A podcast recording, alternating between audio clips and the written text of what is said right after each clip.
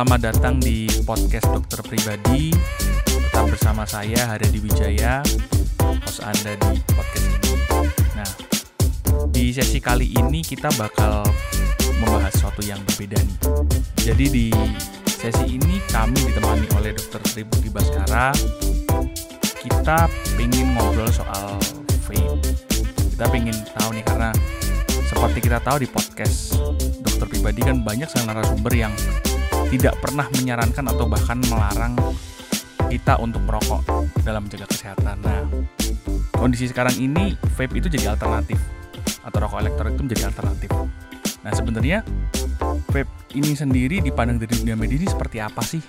Nah, untuk lebih jelasnya, mari kita ngobrol dengan Dokter Tri. Halo dokter. Halo, ya. Yang bagaimana kabarnya nih? Nah, ini dok, kami dengar ini kan dokter ini kan pemerhati ya, pemerhati soal vape atau rokok elektronik ini. Pemerhati, lebih ke pemerhati kesehatan publik sih mas. Jadi saya nggak bahas cuma vape doang sebenarnya. Oh gitu. Cuma Mhm. sering jadi sering kita dapat infonya sering sering dapat apa ya jadi pembicara ya dok ya narasumber untuk pemerhati kesehatan publik gitu ya dok ya. Ya, kebetulan saya lebih ke arah divisinya lebih ke arah eh, tembakau alternatif sebenarnya. Bukan vape doang sih, tembakau alternatif kan banyak ya. Oh, Oke, ya ya ya ya ya ya. Nah, ini dok. Nah, karena eh, membahas soal vape ya terutama kalau di di di sesi kali ini yang kita pengen ngobrol nih, Ya, karena ada satu satu info yang menarik gini dok. Em, vape atau rokok elektronik ini kan sering di apa ya mungkin antara dikampanyekan atau dipasarkan atau diketahui oleh publik sebagai alternatif dari rokok konvensional. Yap. Ya kan istilahnya ada benefitnya mungkin yang dikatakan lebih tidak lebih berbahaya, terus tidak Iya. memberikan eh, apa namanya efek adiktif dan sebagainya. Nah, padahal baru-baru ini kayak kita dengar kan ada ada info dari apa ya eh, sebuah sebuah berita sih ada berita di seorang pemuda di Chicago Adam Hargen Raider kalau nggak salah itu namanya Yap. yang yang dia tuh eh mengalami sakit paru-parunya pernafasannya yang kemudian sampai cukup parah dia juga ngeluarin warning kan buat teman-temannya buat barat buat para vapor lah istilahnya nah sebenarnya apa yang terjadi sih dok. Eh, pertama kita ngebahasnya eh, sebenarnya ini ada ngebahas ini tuh panjang banget ya sebenarnya. Karena Iya. eh, kalau kita pertama kita bahasnya yang menjurus aja dulu. Kita bahas soal si saudara Adam ini ya. Ya ya betul. Eh, jadi begini sebenarnya. Eh, saya mau membahas di dua dua aspek dulu. Eh, faktanya ya fakta dua faktanya dulu. Fakta pertama adalah eh, mohon maaf saya harus mengatakan ini bahwa ternyata eh, tidak semua yang diucapkan oleh Adam itu dipublikasikan oleh pihak yang mewawancarai Adam oke oke itu satu. Yang kedua, Adamnya sendiri memang dia mengkampanyekan untuk eh, berhentilah vape, tapi dia ada tambahan garis bawahi bawahnya itu bahwa bukan regular vape yang dia sebenarnya. hmm Jadi begini, saya bahas yang pertama. Eh, beritanya Adam itu sebenarnya kita bisa lihat bukan cuma berita tulisan, tapi juga ada video interviewnya Ya. di- eh, yang dilakukan oleh eh, para eh, oleh wartawannya ke Adam. Dan ini keluar dari mulut Adam sendiri. Ya. Ya. Bahwa sebenarnya Adam ini sebenarnya nge-vape sudah cukup lama, udah satu tahun dua tahun kalau nggak salah saya lupa dua tahun dok dua tahun ya. Hmm. Nah, dan ini itu selama dua tahun dia sebenarnya tidak pernah terkena apa-apa sampai di satu minggu terakhir ini dia tiba-tiba terkena sakit. iya Mm-mm. Satu minggu ini terkena sakit dan ternyata setelah ditanya dan dia mengakui sendiri bahwa ternyata dia sakit itu semenjak dia membeli secara ilegal di jalanan uh, liquid atau cartridge vape yang berisikan cairan THC atau cannabinoid. Hmm. Okay. Hmm, jadi satu minggu ini dia menggunakan THC liquid yang dibelinya itu ini ilegal sebenarnya. Jadi kalau vaping sendiri itu kan uh, liquidnya dan device-nya semua itu kan sudah diregulasi sebenarnya di di, ber, di berbagai negara ya. Hmm, sudah ada cukainya, sudah Betul. ada rules-nya, sudah ada standarnya, seperti apa dibuatnya dan seperti apa dipasarkannya. Nah, Adam ini dia mengakui sendiri bahwa ya dia dalam seminggu terakhir itu dia menggunakan liquid yang dicampurkan dengan oil THC. Hmm yang namanya okay. pun sudah ketahuan ternyata namanya itu kalau nggak salah Dang Vapes. Dang Vapes itu tuh sebenarnya sebuah produsen yang dia menciptakan atau menjual bukan liquidnya tapi dia menjual cartridge kosongnya. Oh. Dan dibeli oleh berbagai produsen yang nanti dijual mengatasnamakan Dang Vapes dan produsen-produsen itu yang memasukkan liquid-liquid dengan perasa atau perisa yang kita tidak tahu dari mana brandnya dan dicampurkan dengan THC oil yang mereka dilute sendiri gitu. Oh iya iya, berarti in, karena kan kita in, tahu sendiri bahwa di US sana kan sebenarnya satu tahun ini sudah dilegalkan untuk penggunaan uh, cannabinoid kan, ganja dan hmm, sebagainya. Betul. Hmm.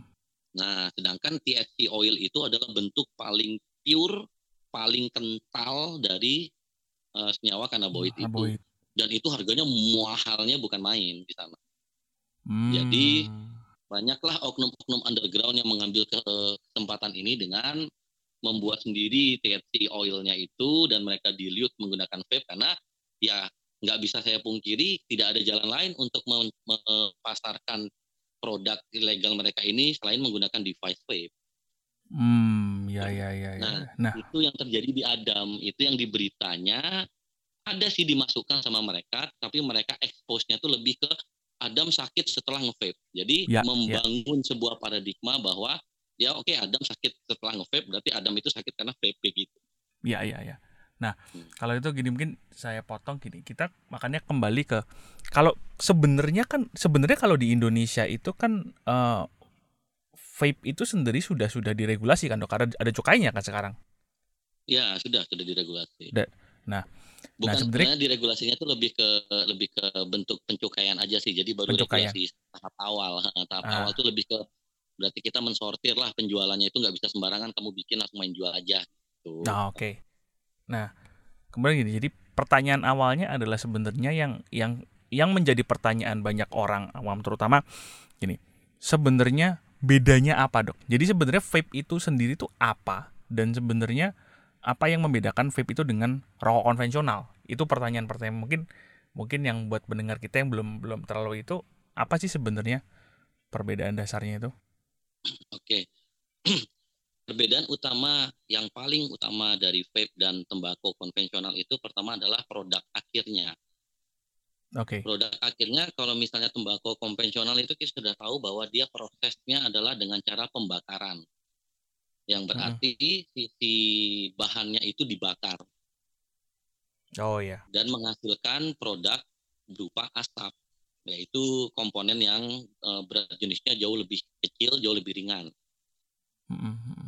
Nah, kalau vape itu dia adalah sebuah uh, device yang bahannya itu pengeluarannya itu dengan cara pemanasan, bukan dibakar.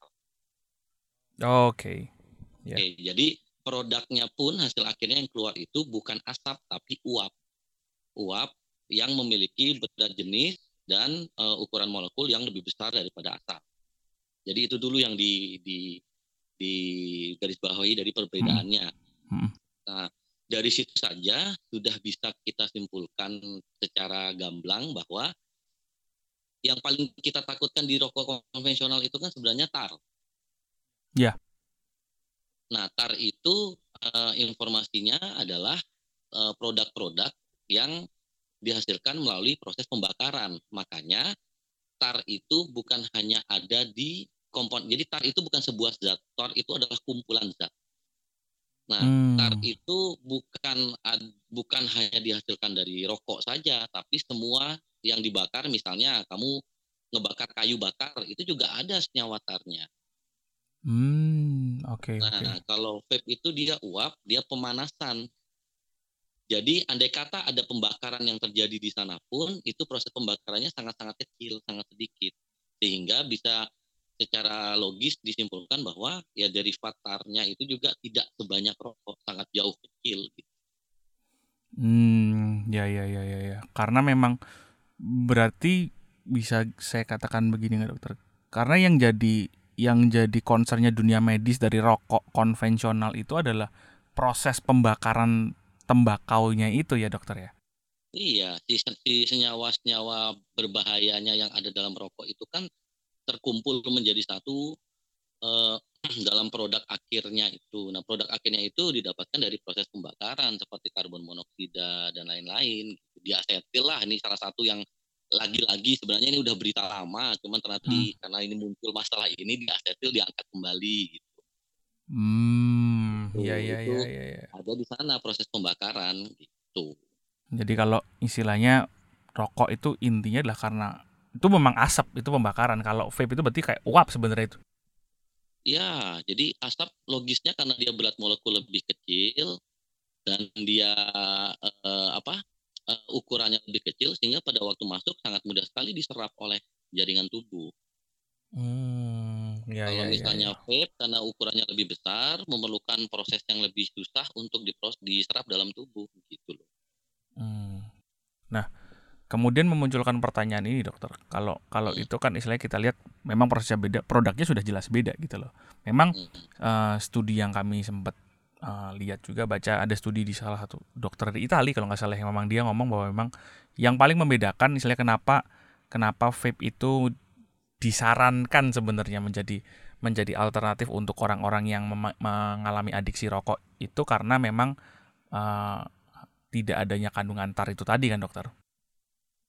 Ya, nah, saya nggak bisa bilang nggak ada kandungan tar ya mas. Jadi, cuma jauh lebih itu, jauh lebih. Sangat sangat jauh lebih kecil lah. Bisa kita bilang 95% lebih kecil lah daripada rokok. Oke oke. Nah, di di produk-produk vape ini sendiri kan sebenarnya kandungan-kandungan seperti nikotin itu kan tetap ada dok. Nah, betul ada. Nah itu jadi munculkan pertanyaan ini dok. Oke, okay, uh, eh, istilahnya membedakan vape sama rokok itu kan adalah delivery system nikotinnya yang berbeda. Rokok jelas lebih berbahaya, akhirnya kan rokok konvensional itu lebih berbahaya.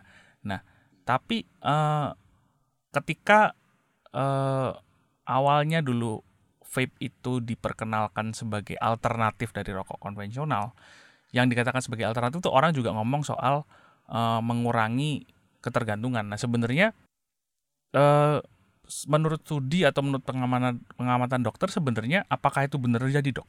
Apakah memang orang yang beralih dari rokok tradisional ke ke vaping itu memang oh adiksinya berkurang atau memang bahkan udah sudah tidak ketergantungan atau gimana? Oke. Okay uh, ini kita kalau bahas soal adiksi ini kita harus side by side sama adiksi rokok ya mas. Mm-hmm. Jadi saya memang nikotin itu pada akhirnya akan membuat adiksi. Itu yeah. true, tidak bisa kita pungkiri.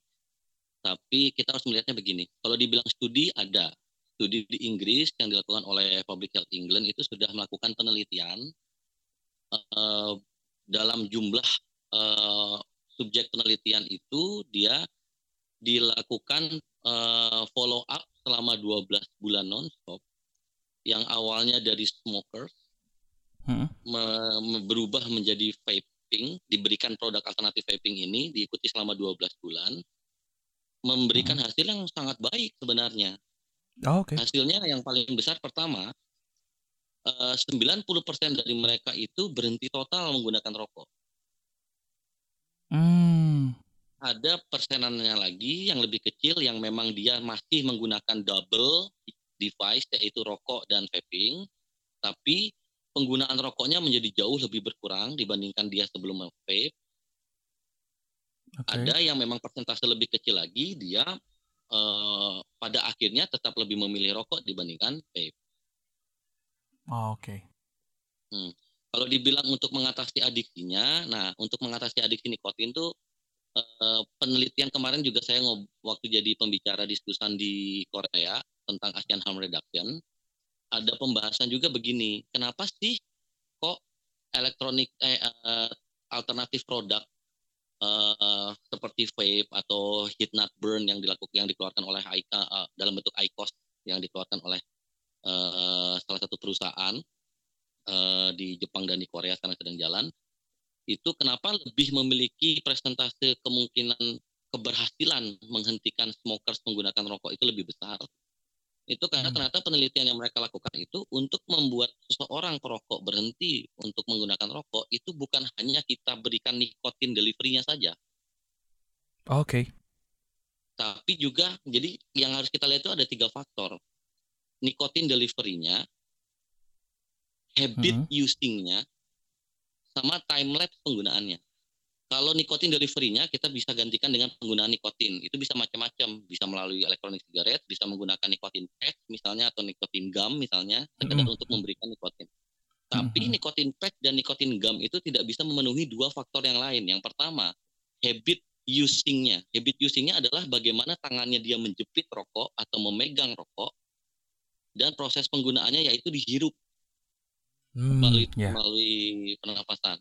Itu ya, yang ya, tidak ya. didapatkan. Sehingga meskipun nikotinnya terdeliver di dalam tubuh tangan dan habitnya mereka itu tidak terpuaskan. Hmm ya. Ya ya ya. Dan ketiga itu adalah time time lapse penggunaannya. Bagaimana dia menggunakan rokoknya. Orang yang merokok setelah merokok, uh, eh, orang yang merokok setelah makan misalnya atau dengan dibarengi dengan kopi misalnya itu tidak bisa dipuaskan dengan pemberian nikotin patch atau nikotin gum atau produk nikotin delivery yang lain Ya, Jadi ya, memang kalau mau membuat seorang smokers berhenti merokok ya kita harus selain gantikan nikotin dengan produk nikotin lain, kita gantikan juga dengan device atau alat yang penggunaannya at least kurang lebih sama dengan penggunaan merokok gitu. Hmm, ya ya ya ya. Karena ada efek psikologisnya. Karena ngerokok ini bukan cuma masalah konsumsi nikotin, tapi dari sebuah habit, sebuah sebuah experience merokok sebenarnya dok ya. Betul, experience di mana mereka menghirup udaranya, eh, asapnya terus mereka hembuskan, itu memberikan sebuah kepuasan, itu yang harus diberikan juga. Hmm, ya ya ya, menarik hmm. menarik, menarik menarik. Kalau kalau kalau kalau boleh gini, ini pertanyaannya agak agak personal sebenarnya dok. Istilahnya ya. uh, dokter ini kan masih gini, selama ini orang mengerti kalau yang namanya dunia kedokteran tuh paling anti rokok lah. Kalau anti rokok itu hmm. yang dapatkan oleh publik kan seperti itu. Nah, dokter Tri ini kan dikenal sebagai dokter yang itu uh, memang dokter punya concern di di public health, kemudian hmm. ke uh, produk alternatif tembakau ya dok ya. Yep. Nah sebenarnya apa sih yang mendasari dokter, terutama karena dokter kan berangkat dari dunia medis, yang istilahnya hmm. fokusnya pasti di kesehatan kan. Sampai saya dokter uh, punya concern, punya fokus di soal produk alternatif tembakau ini dok. Apa yang diberikan oleh apa yang dokter lihat di produk alternatif tembakau yang memberikan istilahnya better future buat buat kita? Oke. Pertama, uh, kita sebagai uh, dokter itu baik dari tahapan layanan awal pertama di general practitioner sampai ke bagian subspesialis sekalipun itu pasti sering banget dan sangat tahu satu penyakit yang sangat-sangat jelas sekali akan kalian dapatkan apabila kalian merokok dalam waktu yang sangat panjang 20 sampai 30 tahun. Yaitu hmm. kita tahu sama-sama penyakitnya adalah COPD. Hmm. Nah, itu itu sampai dokter paru pun saya pernah bertemu dokter paru dan dia pun sampai berani mengatakan bahwa kalau kamu merokok itu sudah pasti kamu nanti tuanya kena COPD lah. Hmm. Dan COPD yeah. itu kalau kamu sudah kena sudah sudah that's it. Nggak ada sesuatu yang bisa mengembalikan fungsi saluran nafasmu menjadi normal kembali itu tidak bisa. Udah vonis lah ya istilah itu dok. Sudah tervonis gitu. Hmm. Nah, saya pertama sebenarnya saya uh, tahu vape ini kan udah sangat lama banget ya mas, udah dari tahun 2012-an itu saya sudah tahu hmm. sebenarnya vaping itu ada. Sebenarnya saya concern itu pertama karena uh, banyak sekali sebenarnya saya melihat orang-orang itu yang yang uh, penggunaan saat itu penggunaan rokoknya jadi sangat berkurang karena dia membarengi dengan uh, vape ini. Itu satu. Hmm. Uh, ya, saya harus garis bawahi bahwa dokter juga manusia ya. Ya, ya. Uh, saya itu heavy smoker dulunya. Oke. Okay. Saya itu dulunya heavy smoker. Saya sudah mulai merokok itu bahkan dari uh, saya itu masih SMP kelas 1 nggak tau, Hmm. Oke. Okay. Dan jadi Mas bisa bayangin adiknya seberapa besar. Iya, iya. Ya. Dengan tuntutan kegiatan segala macam aktivitas fisik segala macam membuat uh, stres stressornya makin tinggi ya, jadi penggunaan rokok pun saya makin meningkat saya tuh dulu tuh sampai ngerokok tuh sampai dua bungkus sehari wow banyak banyak banget banyak banget banyak dan banget. saya nggak dan saya termasuk orang yang dikasih tahu oleh sejawat dokter sekalipun bahkan sampai uh, guru spesialis paru saya dulu mengatakan pun bahwa saya harus berhenti itu tidak bisa karena adiknya sudah terlalu besar Hmm, ya ya ya. Dari... Saya sudah gantiin dengan berbagai cara mas. Waktu itu saya masih ingat saya sempat uh, belum kenal vape, saya tuh gantiin pakai permen katanya bisa membantu. Hmm. Dulu tuh nikotin patch sama nikotin gum tuh belum ada. Hmm. Uh, permen saya ganti, ganti kopi katanya, hmm. ganti ini ganti itu nggak bisa sama sekali. Dan tidak bisa merubah seperti itu. Dan saya harus kita semua harus mengakui bahwa kalau sudah ada adiksi, menghentikan rokok itu tidak semudah oke okay, saya besok berhenti dan besok berhenti gitu. Ya. Yeah. Yeah. Ada sih orang-orang yang bisa seperti itu ada. Tidak sedikit juga banyak. Dan itu ada orang-orang yang hebat. Orang-orang yang seperti saya ini yang jadi concernnya kita sebenarnya. Hmm. Yeah. Susah mau berhentinya gitu. Dan dari pengalaman pribadi saya tidak bisa dimasukkan dalam penelitian sih, cuman dari pengalaman pribadi saya oh, oh vape itu benar-benar ngebantu gitu mas Hmm, ya. Jadi dengan vape ini saya sendiri merasakan bahwa dengan vape ini saya bisa terbantu untuk tidak menyentuh rokok itu dan saya sudah benar-benar berhenti ngerokok udah dua tahunan. Hmm, ya. Tidak menyentuh rokok sama sekali dengan bantuan itu gitu dan dari personal experience pun saya saya selama bertahun-tahun menggunakan vape pun sebenarnya uh, tidak ada gejala ke saya sebenarnya Iya, iya, iya, iya, iya. Gitu loh. Jadi uh, kalau saya kalau saya melihat sebenarnya gini loh, concernnya untuk masa depan vape itu gini. Vape ini kan sebuah revolusi ya, Mas ya. Betul, betul. Kita nggak bisa kita revolusi itu sesuatu hal yang baru munculnya tiba-tiba dan ini sebenarnya memiliki fungsi yang sangat bagus, cuman karena saat ini terjadi benturan dengan polemik uh, pola pikir masyarakat sehingga ini rada susah untuk diaccept sebenarnya. Betul, betul, betul. Sama seperti kita kasih contoh vaksin contohnya. Hmm. Vaksin itu waktu pertama kali diperkenalkan itu tidak ada satupun yang suka sama vaksin, tidak ada yang setuju.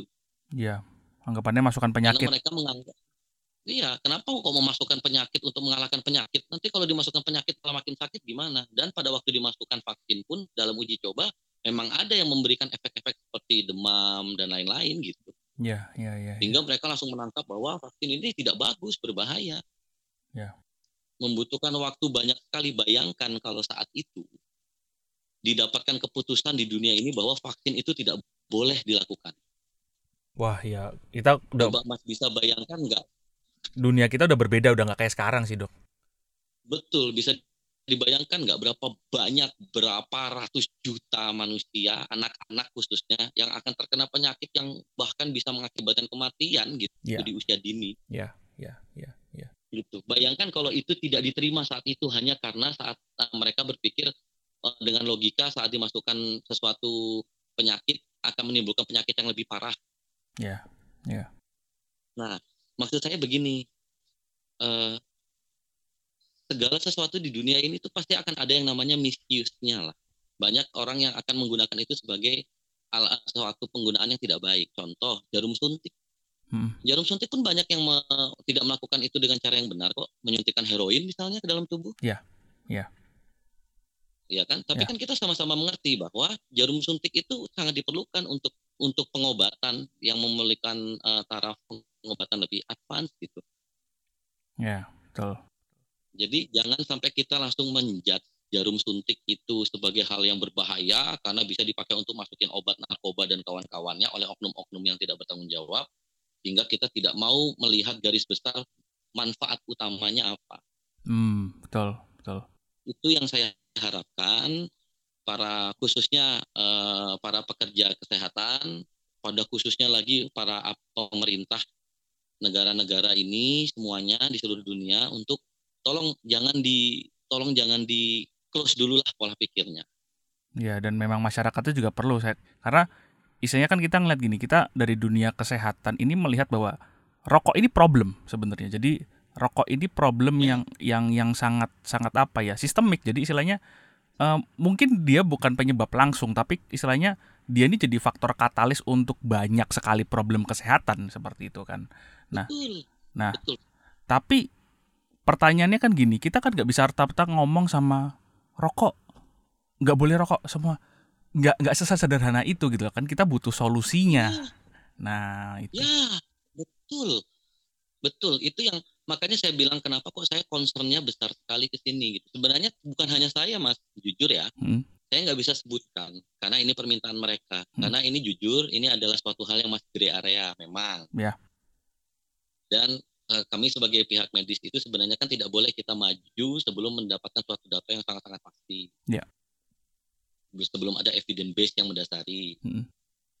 Sebenarnya banyak banget teman sejawat kita itu yang dokter-dokter yang lain itu yang mereka use vape mereka sebelumnya smokers, heavy smokers, dan mereka merasakan benefitnya dan mereka sangat senang untuk bisa memberikan pandangan kepada masyarakat itu bahwa vape is better choices lah.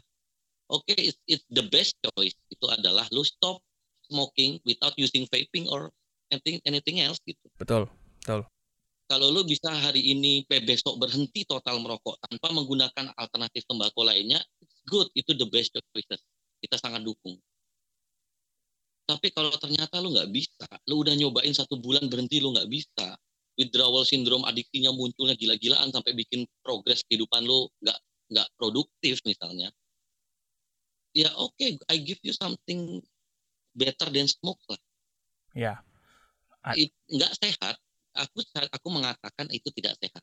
Tapi penelitian mengatakan at least 90% sampai 95% itu less harmful dibandingkan konvensional tobacco. Betul, betul. Yang berarti harmfulnya cuma 5%. 5% itu berarti ada orang-orang yang menggunakan itu jadi alergi, ada orang-orang yang menggunakan itu menjadi respon eh, penyakit atau respon yang patologis terhadap tubuhnya ada, but it's still 5%. Ya, ya, ada progresnya. Betul. Terus kalau misalnya dia bilang, berarti kamu nggak memikirkan dong 5% itu, kamu biarkan orang itu 5% itu sakit. Loh, saya nggak memikirkan itu. Saya bukannya tidak manusiawi, tidak memikirkan yang 5% itu, tidak. Kalau kamu bilang gara-gara ada 5% terus jadinya vaping itu dimatikan dan kita mengorbankan 95%, berarti saya harus balikkan itu kepada penggunaan antibiotik dong. Hmm. Antibiotik juga. Memang ya. penggunaan antibiotik tanpa prosedur yang jelas itu sehat buat tubuh. Tidak. Oh, ya, betul. Bahaya juga. Apakah orang yang sehat, orang yang tidak sakit, dan dia membeli antibiotik tanpa resep dokter hanya karena ingin tubuhnya menjadi lebih sehat, atau karena alasan lain yang kita nggak tahu, terus dia langsung konsumsi antibiotik itu akan menyehatkan tubuhnya? Ya.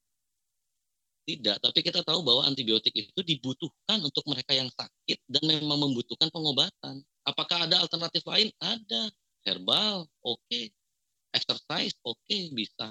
Tapi kan konsep sama duration of action-nya itu kan tidak sebaik antibiotik. Yeah. Meskipun antibiotik punya efek samping yang kita tahu akan akan memberikan respon pada tubuh.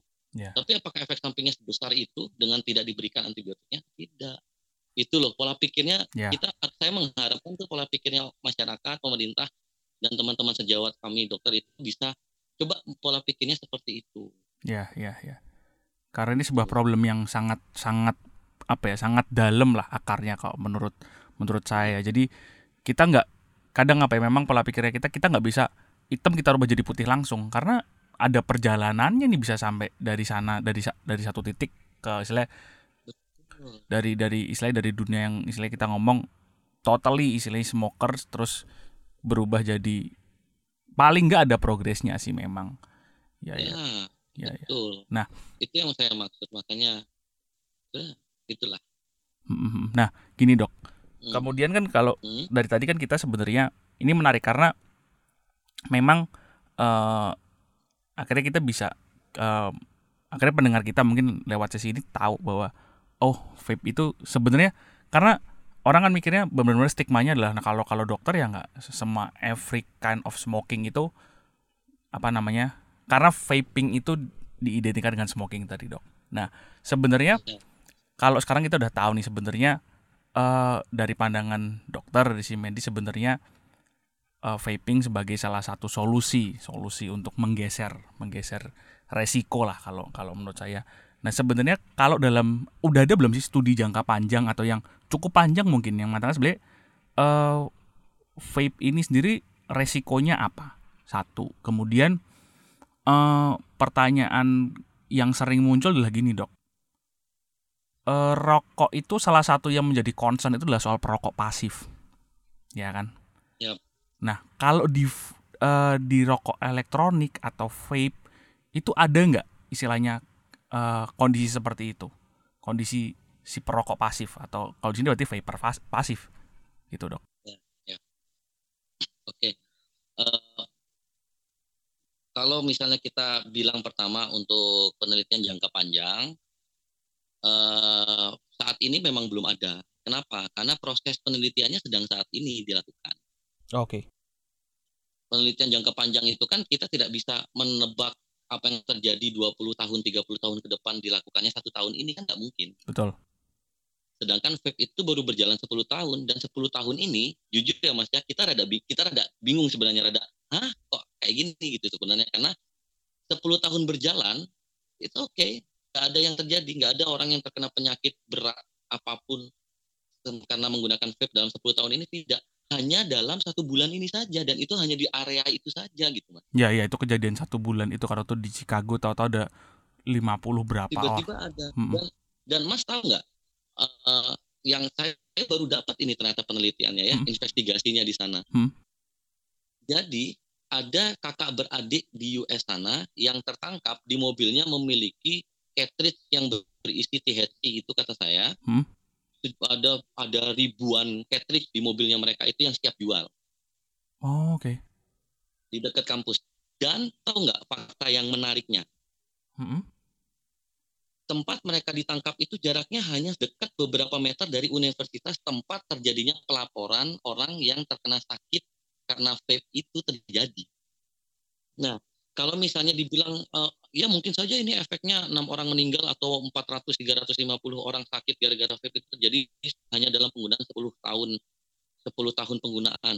Hmm. Data yang yang keluar pun dari sekian banyak orang yang yang tiba-tiba jadi polemik ini sekarang itu itu tuh 80 persennya mengakui bahwa mereka itu menggunakan THC dalam liquidnya. Hmm. THC oil yang dibelinya itu tidak karena tidak ada mas saya jamin tidak ada semua liquid legal vape yang dijual berdasarkan prosedur standar dan legalisasinya di mana pun itu tidak ada yang dia menjual dengan menginkludkan senyawa lain seperti THC atau dan kawan-kawannya itu di dalam liquidnya karena itu sudah sangat dilarang dalam prosedur kita. Hmm, ya. Yeah, yeah. Jadi kalau dia sampai mendapatkan liquid yang mengandung senyawa lain yang tidak sesuai dengan standar itu sudah pasti liquid ilegal. Oke. Okay. Gitu. Nah, kalau penelitian jangka panjang itu ya sekarang sedang kita lakukan gitu. Ya gimana kita mau ngelakuin penelitian jangka panjang kalau vapingnya sudah di ban?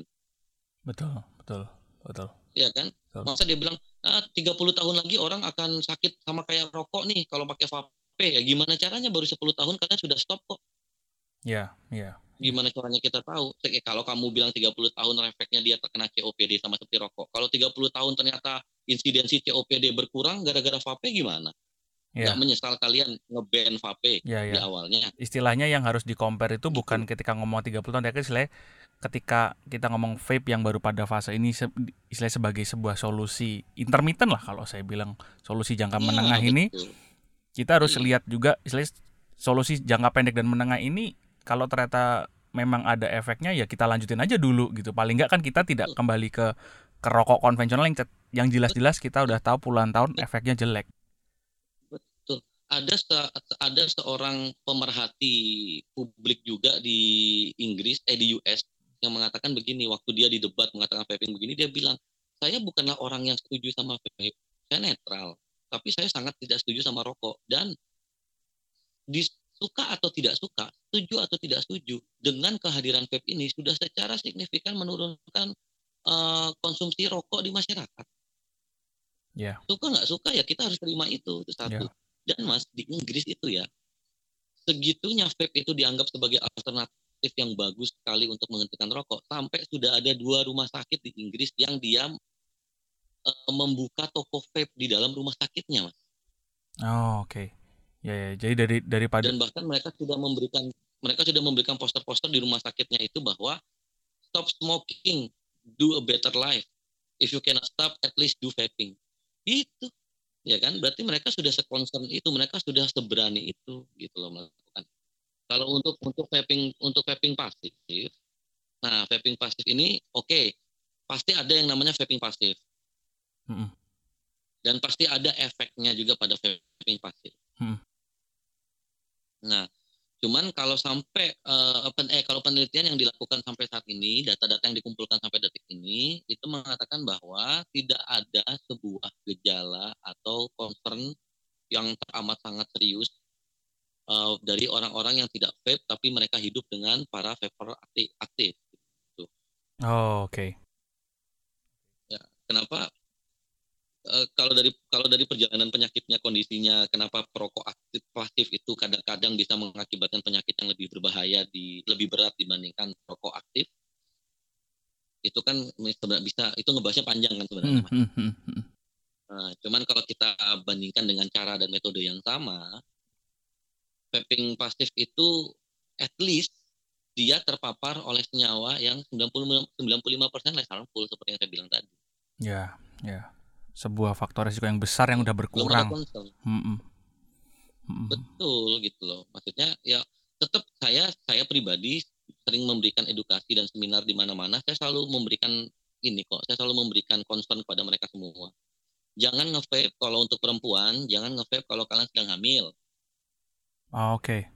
Jangan nge kalau misalnya kalian eh, sedang menyusui. Jangan nge kalau kalian ada anak kecil di bawah lima tahun di samping kalian Buat yang laki-laki juga kalau kalian nge-vape jangan nge-vape di sebelah orang yang lagi hamil, jangan nge-vape di sebelah orang yang sedang menyusui dan jangan nge-vape kalau bila uh, kalau kalian berada di dekat anak kecil.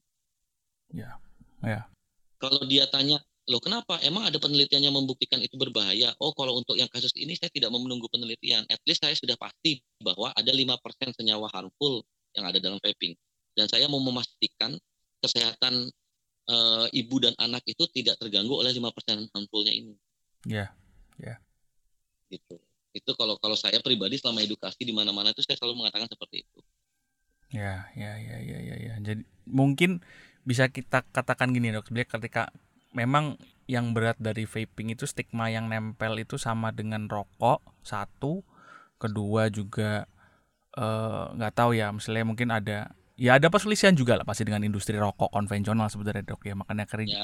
menjadi polemik uh. itu tapi memang uh, gini menariknya kenapa sih uh, podcast kita ini kan ini podcast yang kesehat murni kesehatan kita kenapa bahas ini karena kita nggak bisa memungkiri ini sebuah apa ya sebuah fenomena kalau kita ngomong fenomena ini fenomena tapi ini sebuah sebuah produk sebuah budaya yang memang ada sekarang dan banyak orang yang yang apa ya yang melakukan gitu kan yang harus kita. Jadi memang tujuan kami di sesi ini kita pengen pengen tahu sih sebenarnya faktor resikonya itu apa kemudian sebenarnya state-nya sebenarnya kenyataannya itu seperti apa gitu. Kalau misalnya ada ada yang butuh info nih mungkin info lebih mendalam terus kemudian ketika peng, pengen bertemu dengan expertnya pengen ngerti soal asosiasinya bisa bisa ke mana nih dok? Ada akun sosial media langsung ke dokter atau ke mana ini Oke, kalau akun sosial media sebenarnya uh, banyak sih. Uh, yang dua utama itu sebenarnya ada ada yang di Indonesia ya. Di Indonesia itu ada tiga. Ada AVI, Asosiasi Vapor Indonesia. Ada Gebrak, Gerakan Bebas Star. Sama ada Kabar, Koalisi Bebas Star. Oh, oke. Okay. Itu bisa didapatkan dari sana. Kita di situ akan selalu update kok, bahas-bahas soal ini. Dan jangan pernah takut untuk andai kata memang kalian merasa hanya melihat dari sosial media itu kurang cukup bagi kalian, siapa pun itu di luar sana, dan kalian mau mendengarkan langsung dari mulut kami semua, jangan pernah takut untuk menghubungi kami dan meminta kami untuk datang. Siap. Begitu di kalian konteks saja, dok, mohon maaf, kami dari daerah Jakarta misalnya ya, kami dari daerah Jakarta membutuhkan uh, edukasi tentang alternatif tobacco ini, dok. boleh nggak kalau dokter datang kami undang sini boleh saya akan bawa langsung saya uh, dari kabar saya akan undang langsung orang dari kabar gebrak dan juga dari asosiasi vaper Indonesia nya kita akan bahas di sana langsung oh, oke okay. Oke. Okay. Gitu. Jadi kami memang kami di sini niatnya adalah untuk pelayanan. Kami di sini uh, kami tidak kami tidak tidak pernah capek dan lelah untuk berjuang memperjuangkan sebuah revolusi yang baik ini menurut kami. Betul, betul. Menarik sih soalnya kita ingin memberikan informasi yang sebenar-benarnya lah ke masyarakat dan kita nggak bisa menutup fakta bahwa ada sebuah solusi yang uh, lagi mendapatkan stigma yang kurang baik mungkin gitu. Ya. Oke. Mungkin kira-kira begitu Dokter Tri. Ya. Terima kasih okay. banyak buat waktunya, buat sharingnya yang luar biasa. Semoga sesi kali ini membuka lah, membuka, membuka wawasan, membuka hati. Untuk Anda yang ingin bertanya lebih lanjut mengenai topik sesi kali ini atau mengobrol dengan tim dokter di podcast dokter pribadi atau bahkan ingin menyampaikan saran mengenai topik-topik yang ingin dibahas di sesi-sesi selanjutnya, sapa kami di Instagram karena sekarang podcast dokter pribadi punya akun Instagram di @dokter.pribadi.official. Sekali lagi akun Instagram kami ada di @dokter.pribadi.official.